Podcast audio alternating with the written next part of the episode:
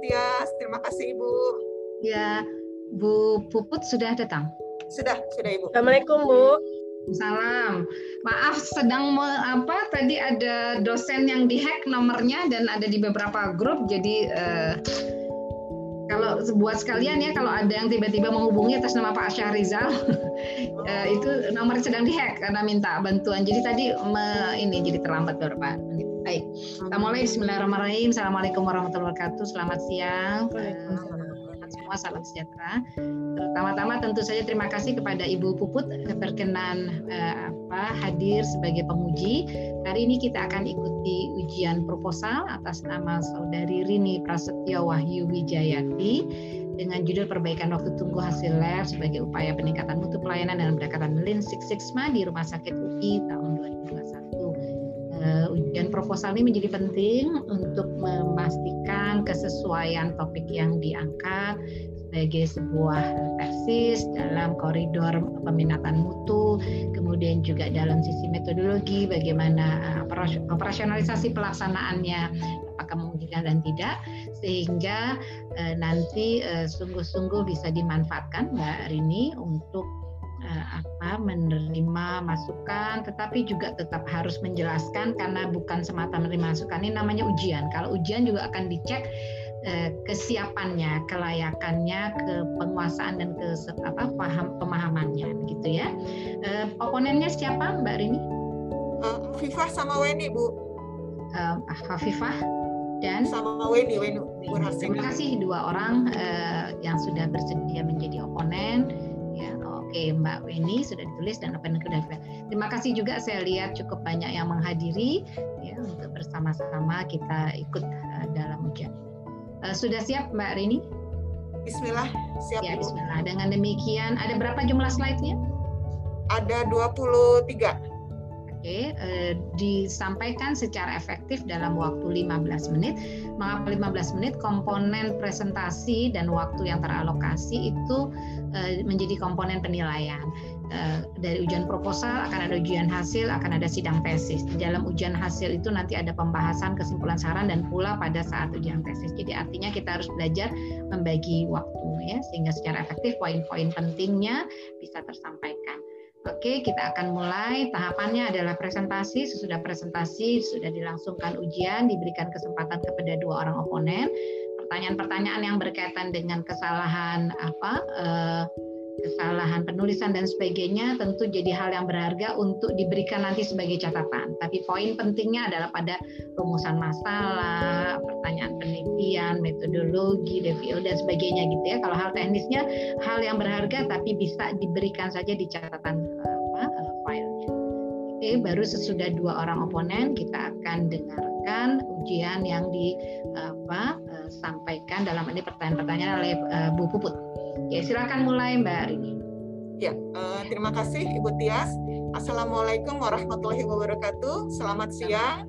Terima kasih Ibu Dumila Ayu Tias sebagai dosen pembimbing. Terima kasih Ibu Puput Oktamianti sebagai dosen penguji.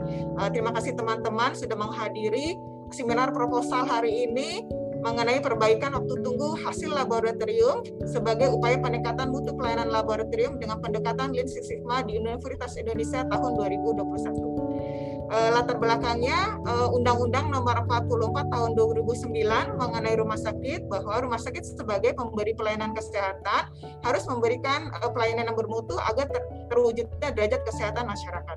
Di mana manajemen mutu pelayanan kesehatan adalah syarat utama dari suatu pelayanan kesehatan yang berfokus kepada kepuasan pasien sehingga pelayanan berkualitas itu pun akan mencegah kecacatan dan sebagai proses perbaikan yang berkelanjutan.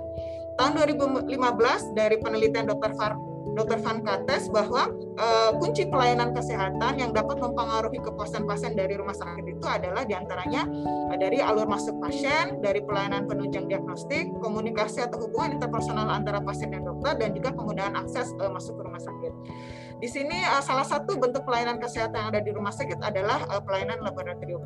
Di mana menurut pedoman uh, pedoman pelayanan laboratorium yang baik dan benar bahwa peran penting dari pelayanan laboratorium adalah sebagai penetapan diagnosa dan memberikan keputusan pengobatan. Jadi dengan ada peran penting tersebut, pelayanan laboratorium wajib mem memastikan bahwa proses terjadi di dalamnya itu terjamin mutunya. Selain itu juga peranan utama dari pelayanan laboratorium adalah harus memberikan hasil yang akurat, tepat waktu, serta interpretasi hasilnya harus benar. Karena dengan uh, peranannya tersebut, laboratorium itu akan mendukung uh, ketepatan dalam keputusan klinis yang akan diberikan dokter di pelayanan kesehatan di mana ketepatan waktu hasil itu adalah syarat penting bagi pelayanan laboratorium yang berkualitas. Dari American College of American Pathologists bahwa apabila ada waktu tunggu yang hasil laboratorium berkepanjangan, maka akan memberikan ancaman bagi keselamatan pasien. Dan di sini definisi, definisi waktu tunggu hasil laboratorium adalah jadi sejak interval atau sejak sampel tersebut masuk diterima di bagian laboratorium, dilakukan proses pengelolaan sampel dan dilakukan verifikasi atau dilakukan otorisasi oleh dokter. Di mana waktu penyelesaian hasil yang cepat pasti akan memberikan uh, kepentingan yang uh, penting bagi seorang klinisi dan akan memberikan uh, kepuasan uh, pasien tersebut. Menurut penelitian di tahun 2019, menurut Shiverau dan Ismail bahwa uh, keterlambatan hasil laboratorium akan mengakibatkan keterlambatan diagnosa pasien. Di mana apabila ada keterlambatan diagnosa pasien, 43 persennya itu akan mengakibatkan penundaan pengobatan, 61 persennya juga akan meningkatkan uh, length of stay di instalasi gawat darurat, dan akhirnya dapat meningkatkan beban kerja laboratorium dan ujungnya akan meningkatnya beban biaya perawatan. Dan juga Roach et al. tahun 2016 bahwa 70 persen dari keputusan medis diambil berdasarkan dari hasil laboratorium. Dan di sini di Rumah Sakit Universitas Indonesia uh, merupakan rumah sakit tipe B yang sudah beroperasional resmi sejak tahun 2019, di mana pada pertengahan 2020 lalu sudah meraih akreditasi SNARS 1.1 dengan predikat paripurna. Salah satu bentuk pelayanan di RSUI adalah uh, adanya unit pelayanan laboratorium terpadu yang di dalamnya ada laboratorium patologi klinik mana uh, laboratorium uh, lab terpadu ini uh, wajib untuk menjamin mutu pelayanan laboratorium harus sesuai dengan standar. Jadi menurut uh, keputusan Menteri Kesehatan 129 tahun 2008 mengenai standar pelayanan minimal rumah sakit menetapkan bahwa indikator standar kinerja laboratorium itu ada waktu tunggunya yaitu kurang dari uh, 140 menit. Eh, menurut pedoman pelayanan laboratorium di Rumah Sakit tahun 2020 tahun 2020 menetapkan indikator mutu pelayanan waktu tunggunya adalah kurang dari 120 menit. Berdasarkan laporan sasaran mutu eh, tahun 2020 didapatkan bahwa rata-rata pencapaian eh, waktu tunggunya itu baru tercapai 70% dari target yang ditetapkan yaitu eh, 80%. Analisis singkat berdasarkan laporan indikator mutu tersebut bahwa uh, di situ dijelaskan uh, adanya kekurangnya tenaga ATLM, terus juga ada masalah sarana prasarana dan juga masih kesulitan untuk menelusuri penyebab memanjangnya waktu tunggu dari hasil lab tersebut. Mana dengan adanya upaya peningkatan mutu layanan laboratorium yang baik itu harus dicarikan suatu solusi agar dapat memberikan suatu proses yang perbaikan. Apabila dengan adanya proses perbaikan ini diharapkan dapat mengurangi atau menyelesaikan uh, masalah yang terjadi di dalam proses pelayanan laboratorium tersebut. Dan uh, saya memakai konsep Lean bahwa dengan konsep Lean itu mampu melakukan uh, mampu melakukan identifikasi terus juga menghilangkan waste atau pemborosan-pemborosan dalam proses pelaksanaan itu yang tidak memberikan nilai tambah. Selain itu juga dengan adanya dengan mengidentifikasi dan mengurangi pemborosan dari proses pelayanan tersebut, uh, maka proses perbaikan akan diketahui dengan segera sehingga upaya-upaya perbaikan dapat kita lakukan secara terus-menerus. Selain itu juga uh, konsep Lean Six Sigma ini selain fokus terhadap perbaikan, dapat meningkatkan kecepatan, kualitas dan profitabilitas, juga uh, konsep Lean ini memiliki tools yaitu uh, memiliki tools yang dapat mengidentifikasi atau dapat uh, meningkatkan kecepatan proses pelayanan dan akhirnya dapat memberikan produktivitas dan juga dari konsep Six Sigma-nya sendiri juga mampu mengurangi defek atau mengurangi variasi yang timbul dalam setiap proses pelayanan tersebut. Nah, Uh, dari metode lain ini sudah banyak diterapkan di rumah sakit uh, menurut penelitian uh, Gupta tahun 2018 bahwa dengan konsep metode lain ini mampu mengurangi waktu tunggu di rawat jalan, waktu tunggu di pelayanan IGD, waktu tunggu di laboratorium klinis. Juga di 2018 tersebut dari Gupta juga melakukan penelitian bahwa dengan menerapkan konsep Six Sigma ini mampu mengurangi waktu tunggu pemeriksaan hasil hematologi sampai 74,3 menit dan pemeriksaan kimia mengurangi mampu mengurangi uh, masa waktu tunggunya sampai 30,9 menit. Di mana dengan waktu tunggu yang cepat dapat meningkatkan kepuasan pasien, mempercepat pelaporan hasil, dan serta dapat meningkatkan pendapatan rumah sakit. Dan juga penelitian Relia tahun 2015 di Rumah Sakit Mas, Mas Mitra menggunakan konsep lean thinking juga dapat menurunkan waktu tunggu 43 sampai 43 menit dan dapat mengidentifikasi atau mengurangi eh, aktivitas-aktivitas uh, yang tidak memberikan nilai tambah dari 39 akhirnya menjadi 99 persen. Nah, di sini rumusan masalah yang uh, saya angkat adalah karena masih belum tercapainya rata-rata target indikator sasaran mutu yang di tahun 2020 yaitu baru tercapai 70% dari target yang ditetapkan juga. Sebelumnya uh, saya juga melakukan uh, studi pendahuluan dengan melihat data-data dari Laboratory Information System di bulan Januari dan Februari. Didapatkan memang masih ada uh, di bulan tersebut masih ada 18% dari waktu tunggu tersebut uh, pemeriksaan masih lebih dari uh, 120 menit. Sama di sini analisisnya juga karena keterbatasan ATLM juga ternyata masih ditemukan adanya sampel pemeriksaan yang tidak sesuai, tabungnya tidak sesuai dan juga volume sampel yang kurang. Jadi kurang lebih dapat mempengaruhi uh, waktu tunggu hasil dari pemeriksaan laboratorium tersebut. Nah, di sini adalah pertanyaan penelitiannya bagaimana upaya perbaikan waktu tunggu hasil pemeriksaan laboratorium dengan menggunakan metode Lean Six Sigma dalam meningkatkan mutu pelayanan di laboratorium patologi klinik Rumah Sakit Universitas Indonesia. Dan ada tujuan uh, penelitiannya diketahui diketahuinya upaya perbaikan waktu tunggu uh, waktu tunggu hasil laboratorium dengan menggunakan metode Lean Six Sigma dalam meningkatkan mutu pelayanan laboratorium patologi klinik di Rumah Sakit Universitas Indonesia. Dan di sini tujuan khususnya diketahuinya alur proses pemeriksaan dari sampel datang melalui proses peranalitik, analitik sama pasca analitik. Dari situ kita ketahui dapat mengetahui lead time dan cycle time dari proses tersebut. Dari proses tersebut kita juga dapat mengetahui atau mengidentifikasi variasi-variasi apa saja dari pelayanan itu yang dapat memberikan nilai tambah, tidak dapat memberikan nilai tambah, atau bahkan yang menimbulkan pemborosan. Dari hasil tersebut uh, akan akan menganalisa faktor-faktor apa saja yang uh, menghambat uh, yang adalah berdampak terhadap proses waktu tunggu pemeriksaan dan juga dapat mengusulkan saran proses per, uh, perbaikan proses dari pemeriksaan dan dapat memberikan rekomendasi perbaikan mutu pelayanan laboratorium. Dan sini manfaat penelitiannya bagi Rumah Sakit Universitas Indonesia dapat memberikan gambaran serta masukan dan saran. Bisa di skip aja manfaat oh, ya, terlalu panjang deh ini. Ya. Oh, terima kasih Bu. Ini untuk ruang lingkup penelitiannya akan dilakukan di bulan Maret sampai April, mengukur waktu tunggu hasil sampel pemeriksaan dari perawatan lantai 12, 13, dan IGD, Uh, menggunakan metodenya observasi langsung, wawancara mendalam, dan telah dokumen uh, dokumen sekunder dengan menggunakan metodologi, penelitian pendekatan DMAIC.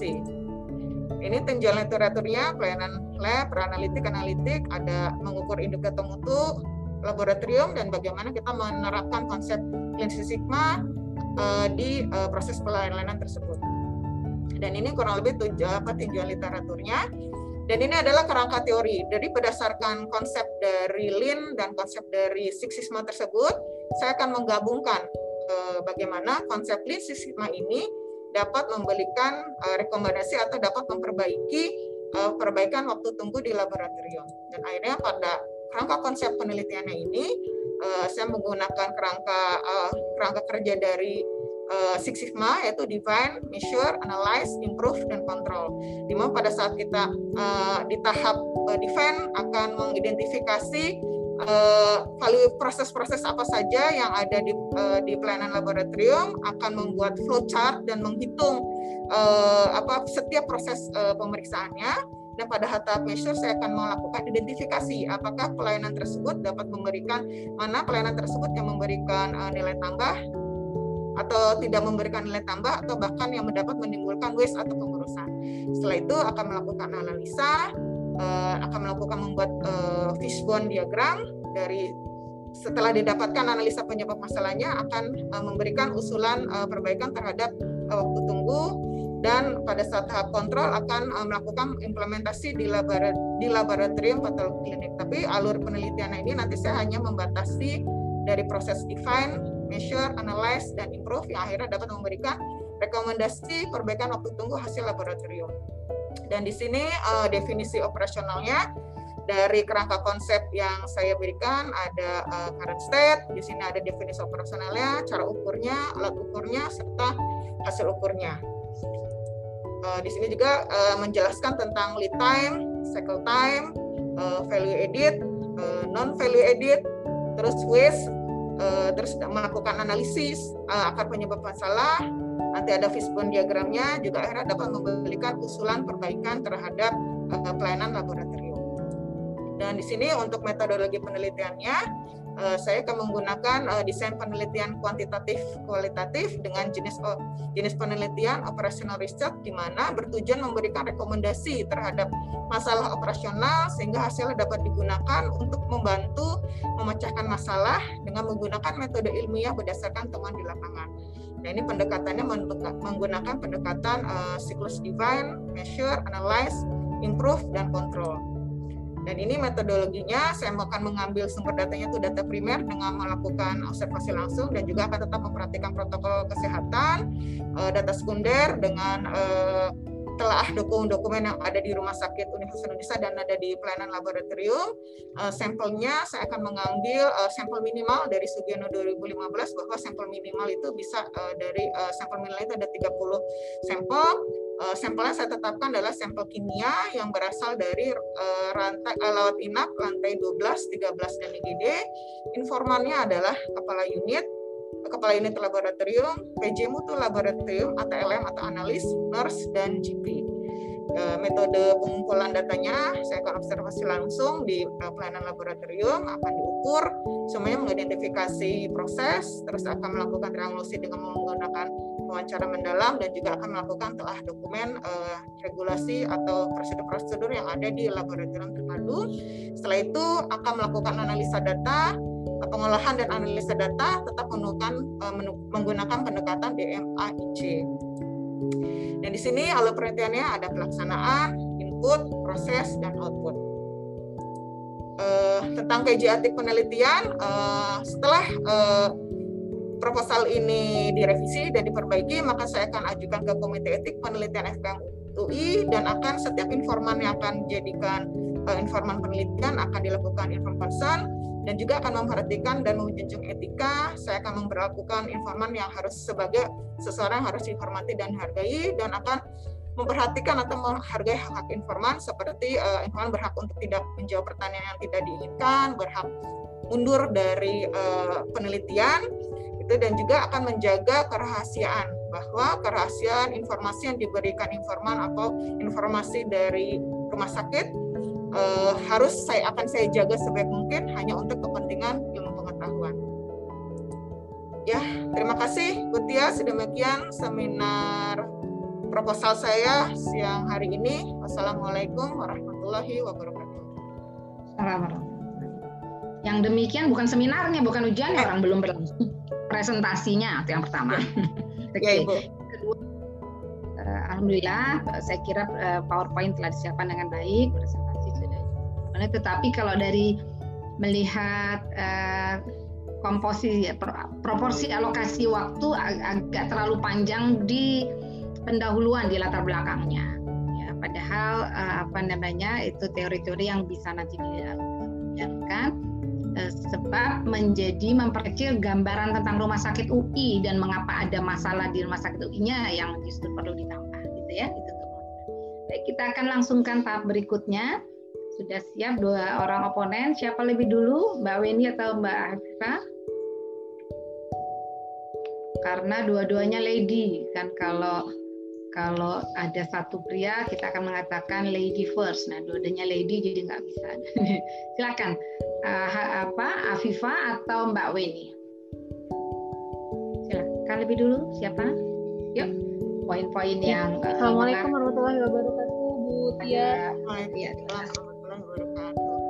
Ya, uh, saya Weni Bu.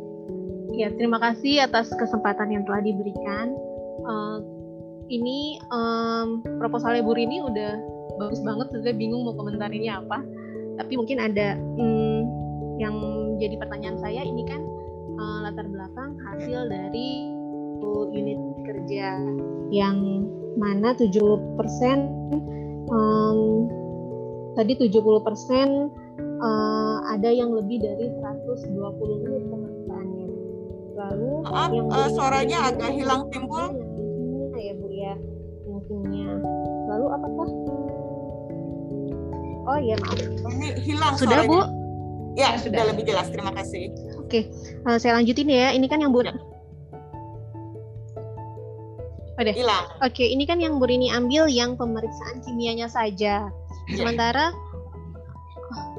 um, masih hilang Bu. Enggak, udah clear. Ya. Yang Bu Rini ambil ini kan pemeriksaan kimianya saja.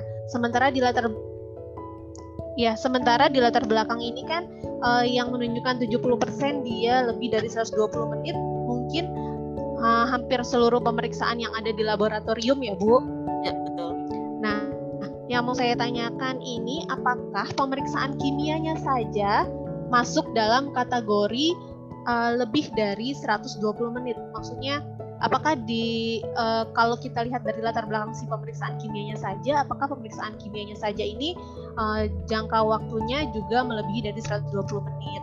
Lalu uh, yang kedua mungkin buat masukan kalau dibaca sama orang awam seperti saya, saya nggak paham nih pemeriksaan kimia ini pemeriksaannya apa aja sih? Oh, ya. Apakah kolesterol dan teman-temannya saja atau bagaimana? Jadi mungkin bisa di jelaskan di proposal pemeriksaannya yang diobservasi oleh Bu Rini itu pemeriksaan apa saja.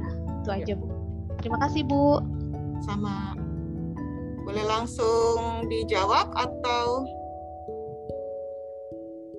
Silakan langsung. Ya langsung dijawab. Ya terima kasih Weni atas pertanyaannya. Terima kasih. Uh, jadi untuk waktu tunggunya itu memang uh, secara umum gitu. Jadi waktu tunggu pemeriksaannya, cuman uh, pas pada saat saya lihat dari apa namanya dari laporan LAS itu Laboratory Information System itu memang didetailkan per pemeriksaan gitu. Jadi uh, contohnya ini saya akan mengambil sampelnya adalah pemeriksaan sampel uh, urium kreatinin dan elektrolit nanti rencananya. Kenapa? Karena memang kenapa juga uh, itu karena rata-rata sebagian besar itu itu proporsi pemeriksaan kimia yang paling banyak dilakukan di laboratorium. Karena untuk pemeriksaan hematologi itu masih belum terlalu banyak gitu. Jadi memang yang lebih dominan untuk pemeriksaan kimia uh, salah satunya adalah urium kreatinin dan elektrolit. Mungkin nanti di proposal saya yang lengkap itu dijelaskan di situ. Memang uh, mohon maaf terima kasih masukannya. Di sini tidak saya tampilkan seperti itu. Terima kasih. Apa sudah cukup? Baik Halo. terima kasih Bu Rini. Ada lagi yang banyak pastinya. Masih pertanyaannya oh gitu ya bu? oh iya dong. Ya kalau kalau mau oh, boleh bu. Boleh nih bu. hari ini kasih yang tajam-tajam. Kan ujian. Justru untuk lihat bolongnya apa yang harus dilengkapi apa gitu oh iya. Oh iya. Silakan. Iya. Satu lagi sih kalau boleh. Ini saya mau ya. tanya observasi ini dimulai dari mana? Observasinya dimulai dari mana Iya, iya Bu. Observasi ya. ini kan prosedurnya observasi ya Bu. Ya, ya. Salah satu yang dilakukan oleh Bu Rini ini pros ya. observasinya dimulai dari mana? Karena ya. saya lihat ini kan diambil di rawat inap. Okay. Uh, lalu apakah dimulai dari preklinik, preanalitik? Karena di proposal saya lihat dijelaskan bahwa pemeriksaan laboratorium terdiri dari preanalitik sampai dengan pasca analitik. Berarti kalau dihitung dari jumlah 120 menit itu harusnya dari preanalitik berarti observasi dilakukan uh, cut off point waktunya dari mulai diambil di pelayanan. Nah, saya ingin memperjelas aja ini observasinya dimulai dari mana. Makasih Bu ya. Rini. Makasih ya. itu pertanyaan yang baik. Kalau uh, masih dipertanyakan oleh pembaca itu artinya kita belum cukup jelas menuliskan gitu. Dan memang fokus pada ujian proposal adalah untuk memastikan bagaimana nanti operasionalisasinya karena uh, ketepatan operasionalisasi, pengumpulan data dan sebagainya akan menentukan ketercapaian tujuan dari penelitian. Jadi betul, jelaskan dari mana, stepnya seperti apa, bagaimana melakukannya sedetail mungkin. Oke, terima kasih itu poin yang baik. Silakan Mbak Rini. Baik, uh, terima kasih Weni atas pertanyaannya dan masukannya. Uh, jadi untuk sampelnya itu seperti di latar belakang memang sudah dijelaskan bahwa uh, waktu tunggu itu adalah definisi operasionalnya sampel yang tiba jadi kami hitung sampel, memang sampelnya berasal dari rawat inap, tapi akan kami hitung mulai termasuk dari TAT-nya itu adalah sampel yang tiba, tiba di laboratorium, dilakukan kalau kami istilahnya dilakukan check-in ya. Check-in itu adalah preanalitik. Jadi dimulai sampel masuk ke laboratorium, dilakukan analitik, disesuaikan, terus dilakukan proses analitik, lalu lalu ada proses uh, pasca analitik sampai hasil keluar dan dilakukan otorisasi. Jadi dari sampel tiba, udah masuk kategori analitik, sampai analitik, diotorisasi oleh dokter patologi klinik bahwa hasil tersebut memang sudah dipertanggungjawabkan hasilnya, itu kami hitung sebagai waktu tunggu. Seperti itu Ibu. Terima kasih. Sudah bisa diterima Mbak Weni? Sudah ya? Oke, kalau gitu kita geser ke oponen berikutnya Mbak Afifa. Nanti kalau ada kesempatan kalau diberikan ya. ya silakan silakan. Yes, mohon maaf. Oh iya, baik. Silakan. Uh, enggak, uh, berarti kalau sudah dari otorisasi dokter, sampai dengan ke pasien itu sudah tidak dimasukkan lagi ya Bu Rini ya? Ya betul. Jadi di situ saya menghitungnya adalah uh, check in, terus preanalitik, analitik, pasca analitik, otorisasi. Gitu. Jadi karena memang de dari definisi operasional di uh, indikator mutunya memang seperti itu. Ya terima kasih. Oke Mbak Afifa silakan. Makasih Mbak Weni. Kita geser ke oponen kedua Mbak Afifa.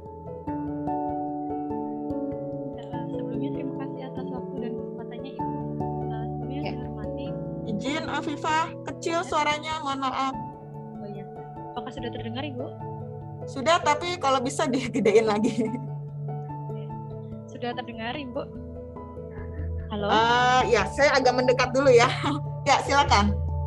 Ya, sebelumnya terima kasih uh, atas waktu dan kesempatannya. Uh, yang saya hormati juga Ibu Dumilah dan uh, Ibu Puput, juga rekan-rekan sekalian yang hadir. Uh, sebelumnya juga selamat kepada Ibu Rini telah sampai pada tahap proposal seminar ini. Uh, semoga kelanjutannya semakin lancar. Nah, untuk uh, revisi-revisi minor sebenarnya sudah saya tuliskan, mungkin nanti tidak perlu saya bacakan. Ada beberapa masukan dari saya yang mungkin bermanfaat. Yang pertama yang ingin saya tanyakan di tujuan khusus yang kedua, itu bertujuan untuk mengetahui lead time dan cycle proses. Tetapi di dalam uh, kerangka konsep belum tercantum mengenai lead time dan cycle proses. Sedangkan pada definisi operasional, uh, lead time dan cycle proses ini dimasukkan ke dalam uh, value proses pada tahap define. Nah, apakah mungkin nanti uh, tujuan khususnya direvisi dengan lead time dan cycle time-nya diganti value proses atau bagaimana? Itu yang pertama. Kemudian yang kedua, uh, untuk relevansi kepustakaan dan saya sudah cukup baik karena proposal ini secara keseluruhan menurut saya sudah cukup baik dan sangat sistematis. Mungkin di kepustakaan bisa ditambahkan mengenai uh, rumah uh, mengenai rumah sakit karena penelitian ini kan dilakukan di rumah sakit dan memungkinkan adanya perbedaan uh, laboratorium di rumah sakit dan di tempat lain. Kemudian untuk uh, bab 4 pada bab 4 nah dalam proposal ini belum dijelaskan mengenai populasi penelitian. Uh, mungkin bisa dijelaskan uh, populasi penelitian dan alasan kena, kalau boleh tahu kenapa pemilihan sampelnya itu hanya dari uh, unit unit rawat inap di lantai 12, 13 dan IGD saja. Kenapa tidak menggunakan uh, tidak tidak menggunakan pemilihan sampel dari unit yang lainnya? Kemudian uh, pertanyaan saya yang terakhir itu uh, pada tek, di sini kan ada pengumpulan teknik data primer dengan menggunakan observasi. Nah, di masa pandemi ini bagaimanakah prosedur pengumpulan data tersebut dan bagaimana uh, upayanya seperti itu? Kurang lebih seperti itu ibu masukan dan uh, apa empat poin yang saya catat poin uh, penting yang uh, baik sekali ya uh, dan memang sangat relevan. Dan ini menjadi salah satu tujuan mengapa ujian proposal ini dilakukan. Jadi uh, uh, oponen kelihatan membaca dengan cermat dan memberikan catatan dengan baik. Yang pertama betul sekali uh, isu yang akan di, uh, di, selalu dicermati dalam sebuah penulisan karya ilmiah, proposal sampai nanti tesis adalah isu konsistensi. Misalnya tadi dicatat di DO lead time cycle, cycle time-nya misalnya ada yang sudah dikerangkan di DO-nya Pak itu catat.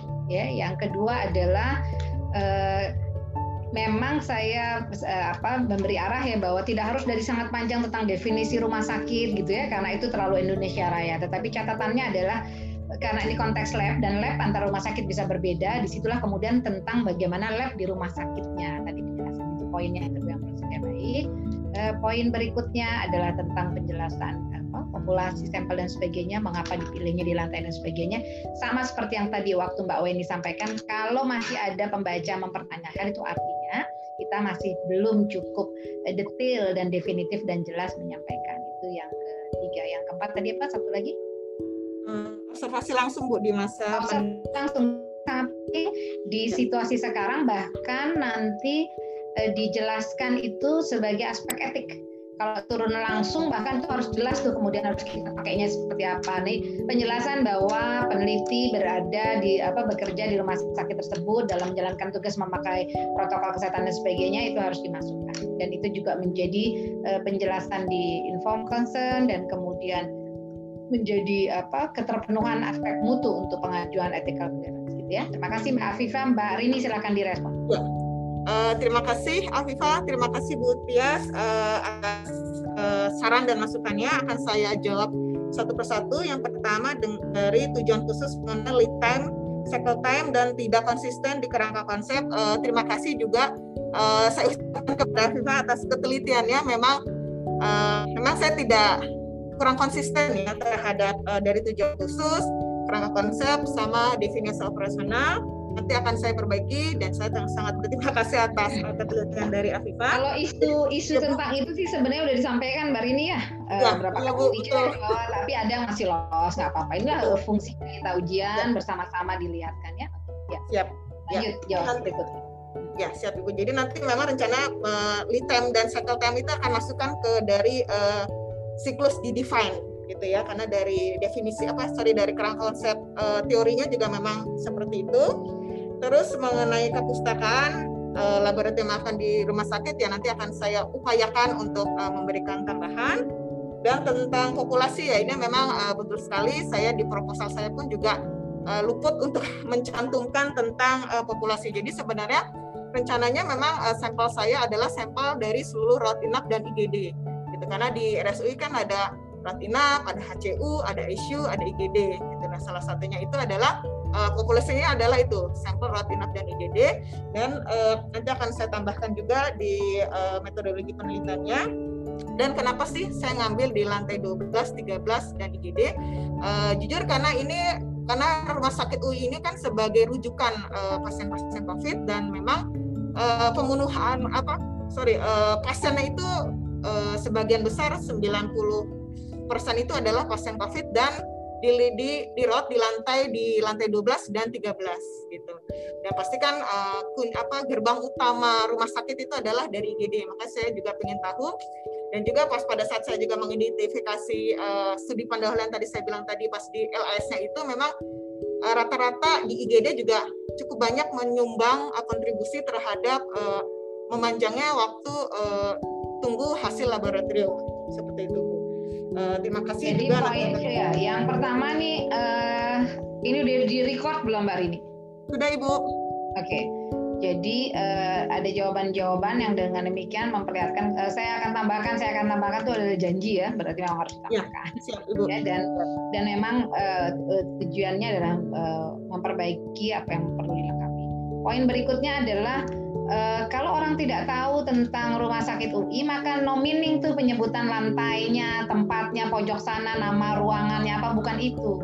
Tetapi penjelasan berikutnya adalah soal proporsi dari pasien sehingga kalau kita hendak merepresentasi gambaran terbanyak rumah sakit UI tadi disebutkan saat ini di rumah sakit rujukan COVID dirawatnya di lantai 12 13 dan dia 90%. Poinnya bukan soal lantainya, soal mengejar proporsi apa pasien yang akan jadi ini ya termasuk tadi rasionalisasi ini.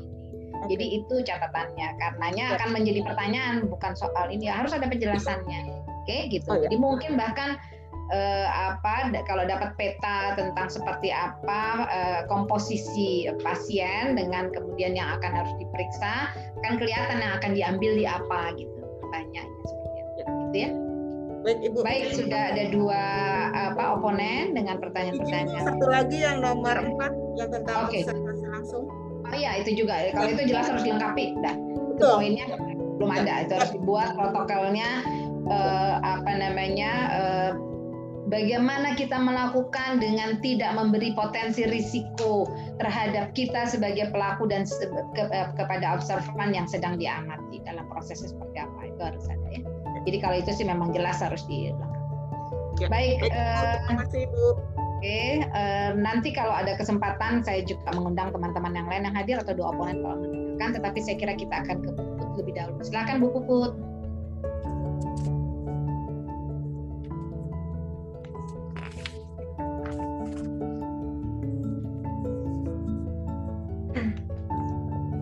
Bu Puput ada di kampus? Oh, enggak, Bu. Oh, enggak. Oh, ininya doang backgroundnya kira itu dari jauh kayak akak Oke. Iya, uh, terima kasih Bu Ya. Tadi sudah banyak sebenarnya ya yang dibahas kan? Dan Bu Rini di sini pembahasan ujian ini lebih untuk me, apa ya mengoptimalkan penelitian Ibu nantinya gitu kan? Dan kemudian juga hal-hal yang mungkin peneliti belum terpikir dibantu oleh teman-teman oponen di sini untuk memikirkannya gitu Bu. Jadi sehingga nanti pada saat nanti di lapangan Ibu tidak kesulitan lagi atau ada hal-hal yang uh, terlupakan gitu. Ya jadi memang tadi yang disampaikan Bu Tias bahwa kalau kita sebanyak-banyaknya nah itu sebenarnya untuk melihat masih ada kekurangan-kekurangan apa yang bisa membantu nanti Bu Rini pada saat nanti di lapangan gitu loh. Ya jadi kita kita di sini bukan untuk memojokkan Bu Rini gitu kan, tetapi untuk mengoptimalkan proposal ini baik-baiknya. Ya. Oke baik. Mungkin uh, saya melengkapi Bu tadi pertanyaan-pertanyaan dari oponen.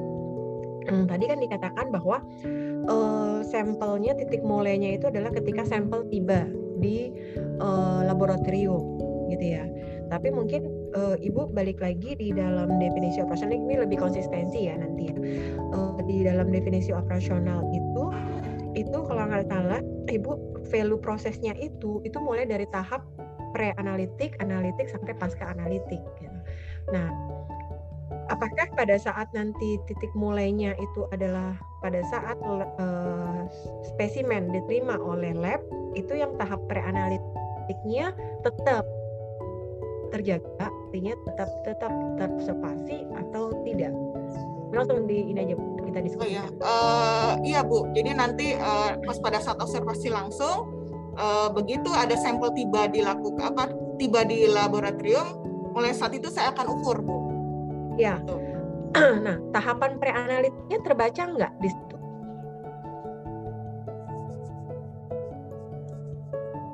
Di DO-nya ya Bu, punten mohon izin iya, di, uh, di DO, di DO yang value proses. Bentar ya.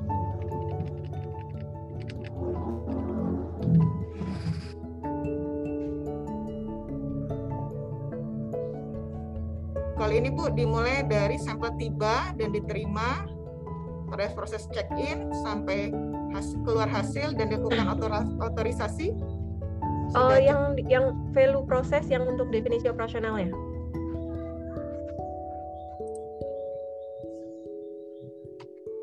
Ini saya tampilin definisi operasional, Bu Puput. Oke, okay, ya, baik. Value prosesnya. Uh -huh. Ya, dimulai dari sampel tiba, diterima, analis di laboratorium, namanya prosedur check-in, sampai keluar hasil dan dilakukan otorisasi. Ya, oke. Okay. Pertanyaan saya, apakah pre pre analitiknya akan terbaca di situ? Oke, okay. ya ya. Baik. Ya, karena ibu berbicaranya uh, jadi di DO-nya itu ada tercampur, ada yang me, me, apa ibaratnya membahasnya itu dari pre-analitik, tahapan analitik sampai tahapan pasca gitu. Maksud saya, apakah dengan titik mulainya seperti itu, analitiknya akan terbaca atau tidak? Gitu loh, Bu.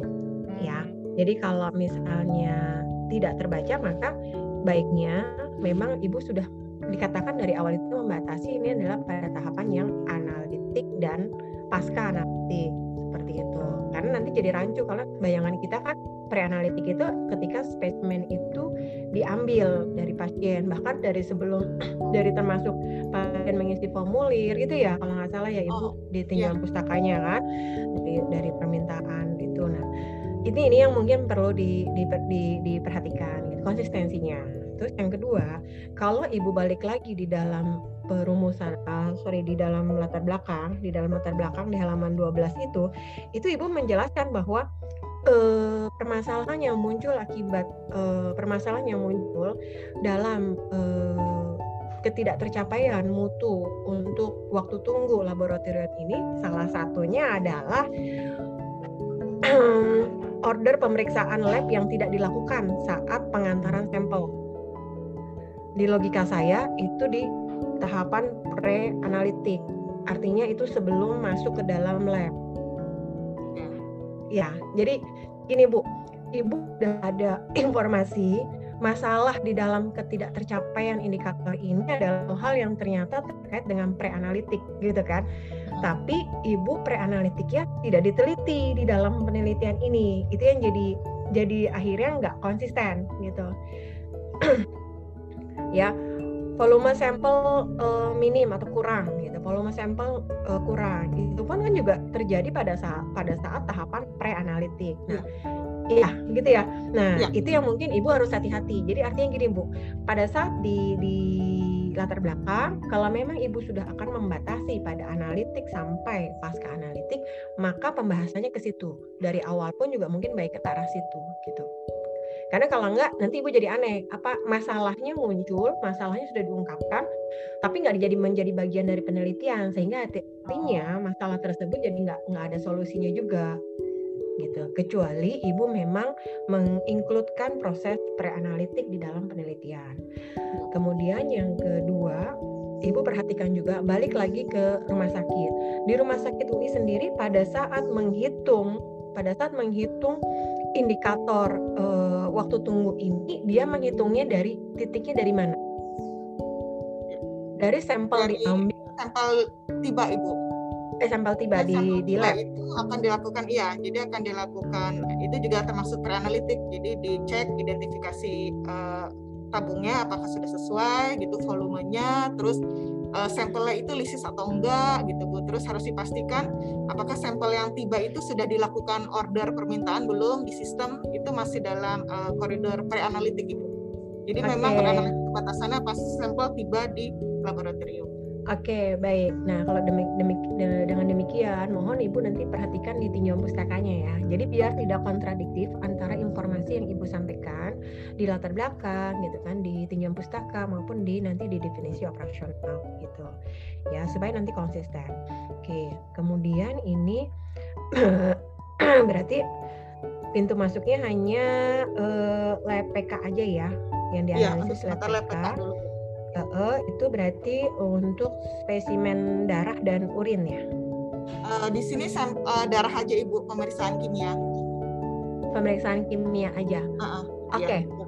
Uh, pada saat pemeriksaan kimia darah saja, ibu ada hitungan. Ibu ibu bekerja di rumah sakit UI kan ya? Betul Ibu Puput. Oke. Okay. Uh, uh, pada saat menghitungnya indikator mutu, Ibu bisa dapat nggak kalau itu hanya misalnya kalau yang kita ambil hanya perhitungan darah aja, angka angka capaiannya lebih buruk atau lebih bagus uh, dari yang kalau digabung? Ya, ya uh, baik Ibu Puput, terima kasih. Uh, kalau dari lihat di studi pendahuluan ibu kalau dari dilihat dari data LAS-nya Laboratory Information System itu bisa dipilah-pilah bu. Memang uh, di situ saya ambil beberapa sampel pemeriksaan kimia seperti SBPT dan lain sebagainya. Memang di situ sebag, uh, hampir kurang lebih saya, saya identifikasi di urium kreatinin sama SBT SGPT itu uh, 18% sampai 20% itu melewati 120 menit gitu Bu. Oke, okay. oke okay, baik. Nanti Ibu tolong itu nanti di di di, di ini ya Bu ya, di highlight gitu kan. Artinya karena okay. karena kan Ibu ini mem membatasinya hanya pada uh, darah aja, pemeriksaan darah aja. Oke. Okay. Kemudian itu kalau yang list HC Lab itu ini ya Bu ya untuk apa pembandingnya ya atau dia? Uh, jadi sistem informasi yang dipakai di kami Bu, jadi dari proses pre-analitik itu dari order itu sudah masuk ke sistem gitu. Oke. okay. Nanti digambarin, digambarkan di dalam tinjauan pustaka ya Bu ya. Siap, siap. Sehingga bisa bisa ke kebaca nanti. Oke, okay. kemudian di di dalam ini Bu, di dalam metode, di dalam metode di situ Ibu ada metodenya kuantitatif.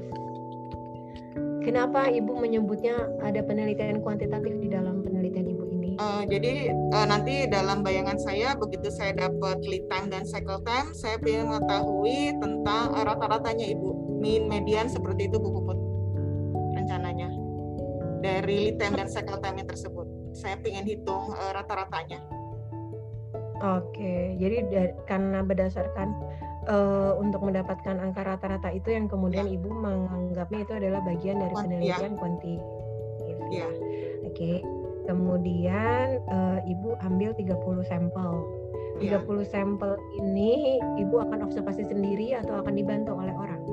Uh, rencananya sih mau dibantu satu orang bu, tapi masih belum masih dalam tahap uh, negosiasi. Okay. Kalau okay, karena itu harus dituliskan ya, buku dituliskan, oh, benar. Semua dituliskan, oh, memastikan ya, bahwa kualitas benar apa namanya pengumpulan datanya, observasinya eh, sama, terstandar, itu semua harus dituliskan. Oh. Benar ya. gitu. Jadi di dalam metode metode pengumpulan datanya kalau memang ibu mau dibantu oleh orang lain, maka ibu harus pastikan kualitas pengumpulan datanya akan sama seperti peneliti yang akan lakukan sendiri. Oh iya, siap. Oh, jadi tolong nanti itu dijelaskan gimana caranya uh, memastikan kondisi tersebut.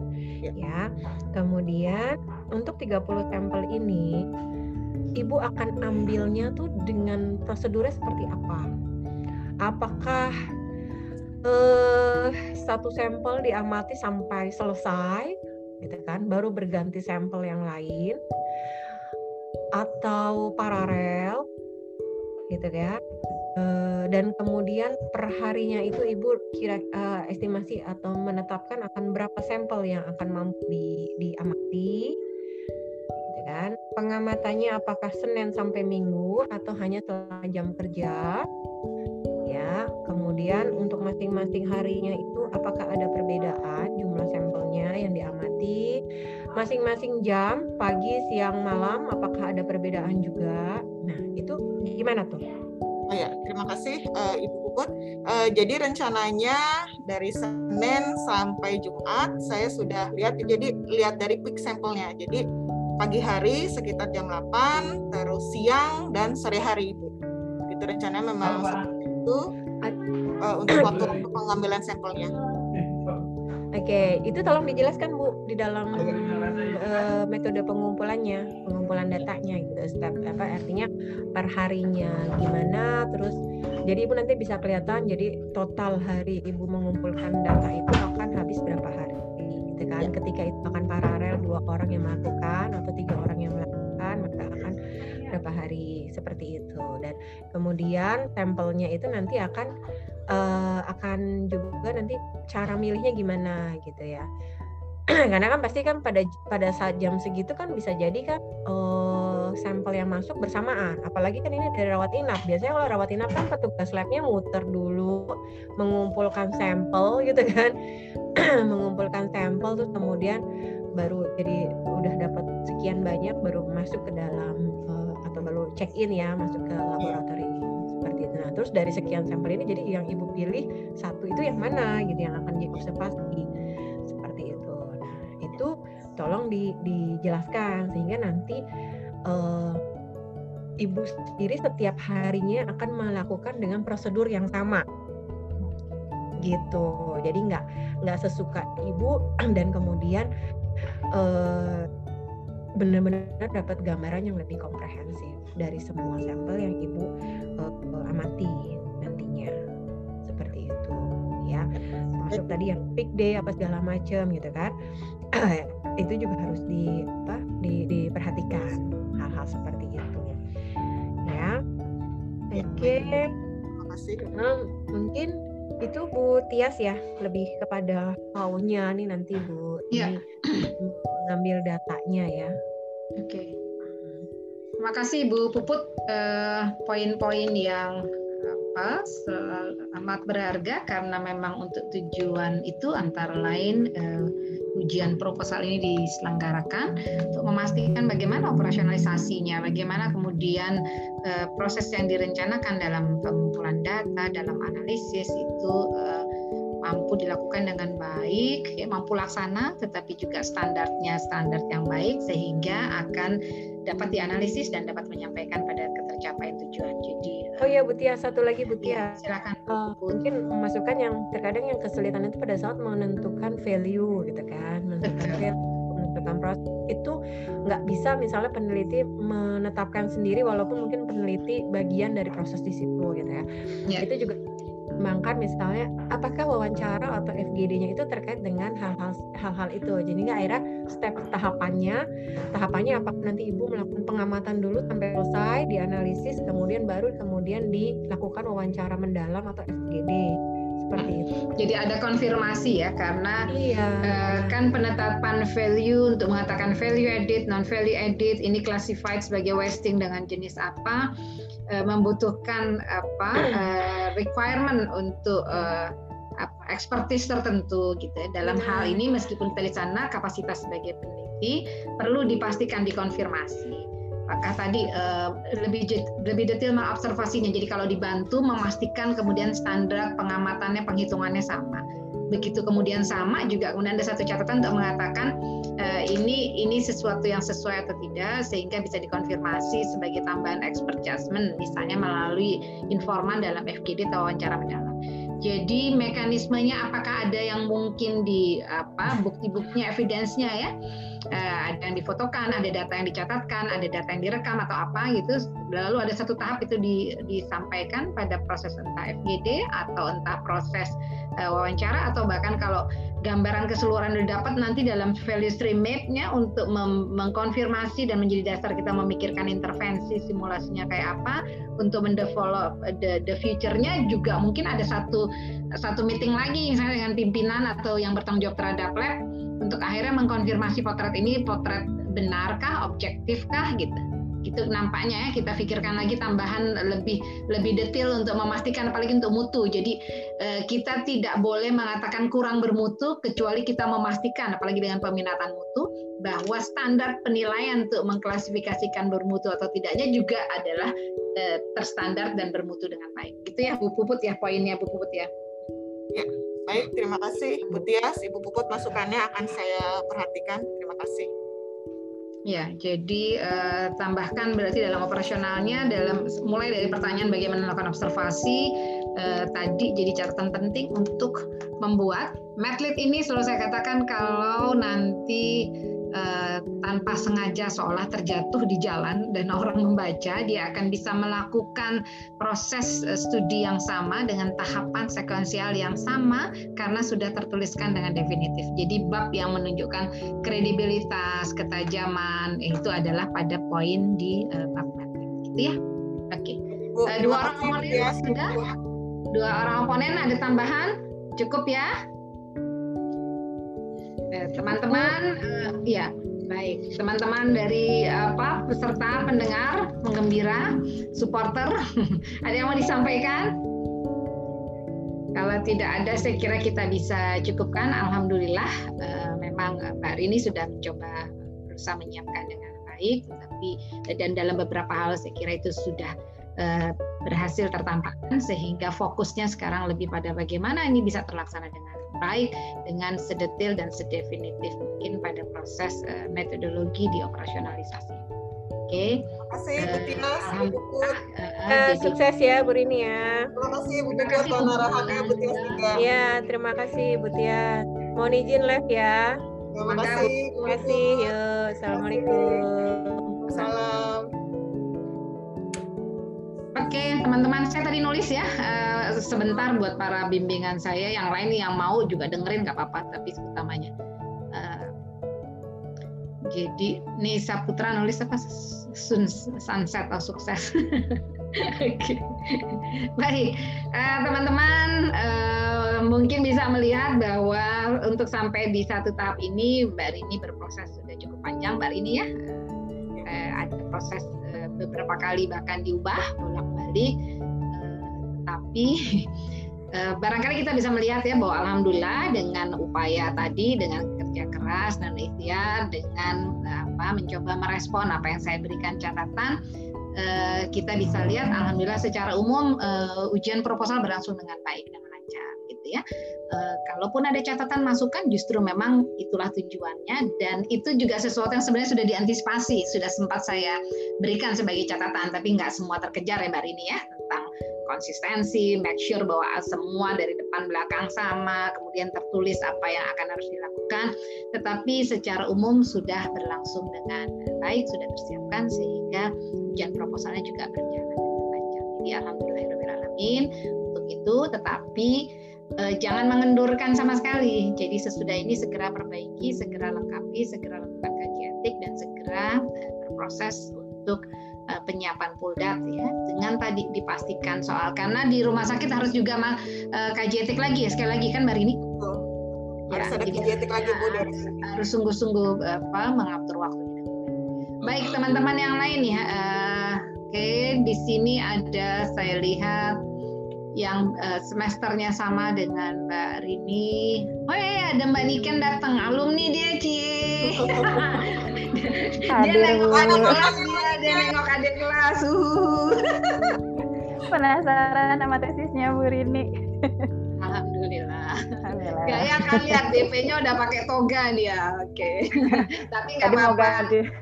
Hadirnya untuk menyemangati insya Allah yang lain segera pula memakai toga untuk menyelesaikan amin ya. Amin. Jadi di sini ada Ayudina Larasati, ada uh, Ermalina, ada uh, Brenda, kemudian uh, Indah. Oke, okay. ya, yang lain kalau mau boleh, tapi saya lihat ada apa beberapa. Oke, okay. Nur Asmita, Afrimelda, Rahmadini, uh, Virus, Safira, Tatiana. Oke, okay. jadi. Hmm, Alhamdulillah Mbak Rini sudah. Yang segera sesudah ini akan harus saya dorong dan rasanya insya Allah terdekat untuk siap itu Ermalina. Ermalina tadi udah kirimkan uh, apa namanya uh, perbaikan dari revisi Ermelina juga juga merasakan hal yang sama kan kadang-kadang kok belum beres juga sih masih ada di catatan kan gitu ya Mbak Ermelina ya pasti Pak. Iya Ibu. Dari wajahnya juga udah kelihatan kayaknya gitu. Tapi saya mau bilang hari ini emang emang lancar aja Mbak Rini. Berapa kali Mbak Rini digituin sama Bu Berkali-kali Bu.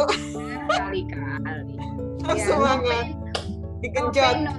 Tetapi kalau kemudian itu dengan cermat kan saya mau bilang kalau belum kokoh, aduh nanti apalagi kita nggak pernah tahu siapa pengujinya seperti apa gitu. Kalau dan bukan kita menentukan. Kalau jurusan tertentu masih bisa. Begitu di AKK, begitu yang lain, ya itu yang menentukan uh, bukan bukan pembimbingnya gitu. Jadi kalau tiba-tiba dapat oh, dosen-dosen yang sangat ini, yang pada metriknya nah itu harus sudah siap, sudah tough. Itu sebabnya harus sangat yakin, firm pada konsep, pada dan apakah 100% pasti nggak ada. Nobody's perfect. Pasti kemudian tetapi setidaknya pada batas minimum kita sudah cukup kokoh jadi tenang aja nikmati aja. Nanti ada sebuah fase.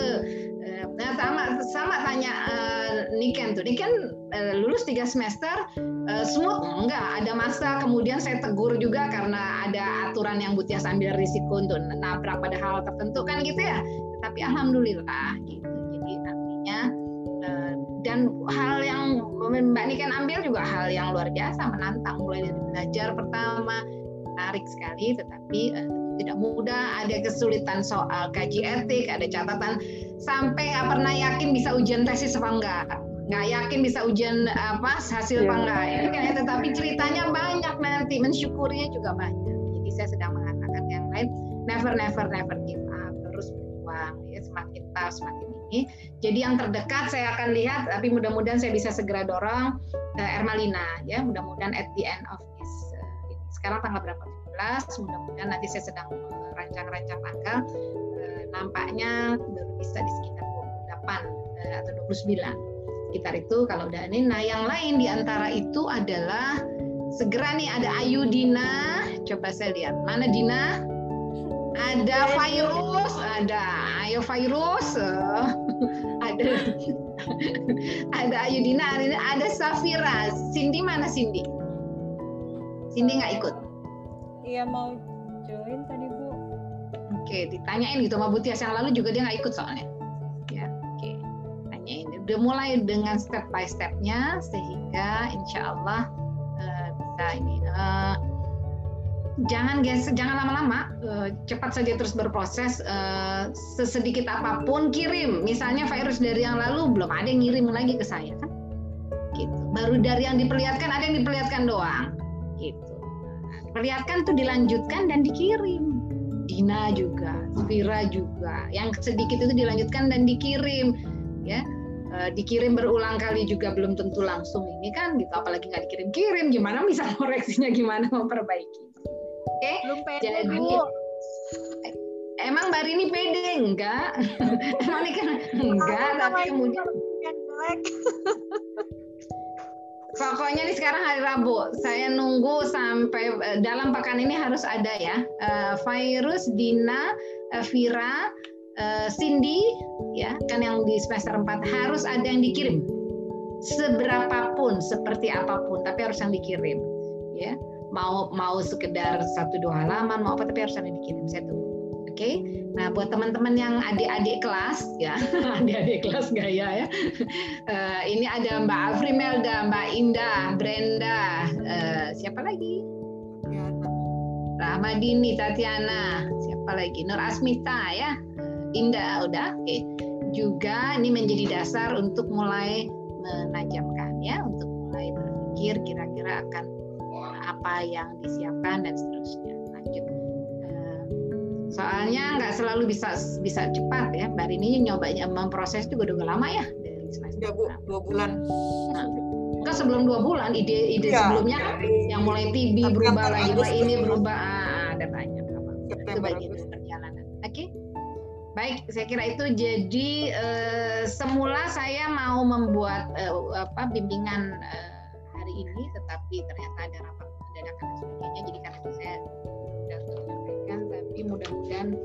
saya bisa jadwalkan sekitar Senin kali. Ujian apa? Bimbingan di Senin insya Allah.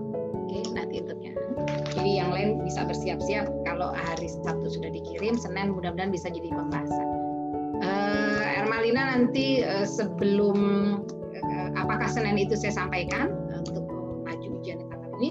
Atau kalau bisa sebelumnya dari membaca saja saya sudah anggap minimumnya sudah tercapai ya saya akan bilang oke bersiap. Maju tapi rasanya maju kalau bisa nih bikin target nih bareng-bareng nih di, di ujung ini berempat. Di virus Ermelina berlima. Cindy kemudian Dina sama Vira. Tahu ada yang geser di awal. April tapi jangan lebih dari itu ya. Karena nanti kan prosesnya masih panjang nih oke good luck semangat eh, buat semua. Bismillah Eh, terus eh, satu lagi eh, terus nulis aja terus kirim aja. Nggak harus nunggu komentar saya. Mbak ini nggak selalu saya sempat saya bilang oke gitu doang. Ya kadang-kadang hanya bisa di tapi lewat saja eh, kirim saja ya eh, karena yang wajib untuk mengirimkan progres adalah mahasiswa. Saya tidak wajib untuk langsung merespon eh, by email atau by WA untuk menunjukkan bahwa saya sudah membaca tidak membaca jadi yang akan harus dimonitor itu. Jadi terus saja ngirim gitu. ya sedikit demi sedikit. Malah akan kelihatan kegigihannya. Misalnya dengan gayanya virus bisa tulis ya. File pertama tanggal berapa? Beberapa lagi kirim lagi file kedua tanggal berapa? Meskipun nambahnya cuma beberapa kalimat nggak apa-apa. Gaya aja ada banyak tahapan kan? Menyemangati gitu. Oke? Jangan tunggu sampai selesai sampai sempurna semua. Nggak akan jalan. Penyempurnaannya justru dengan sedikit-sedikit dikirimkan dan dibahas gitu ya. Oke, semangat semua. Semoga dimudahkan. Sehat selalu. Assalamualaikum warahmatullahi wabarakatuh. Waalaikumsalam. Waalaikumsalam warahmatullahi wabarakatuh. Terima kasih Bu. Ada Tere juga ya. Tere sukses Tere. Tere udah keluar. Belum bu, masih Ya, ada Bu. Tere. Ya, Bu. saya lupa nanti saya bilang. Mudah-mudahan saya nguji Tere. Iya Bu, semoga.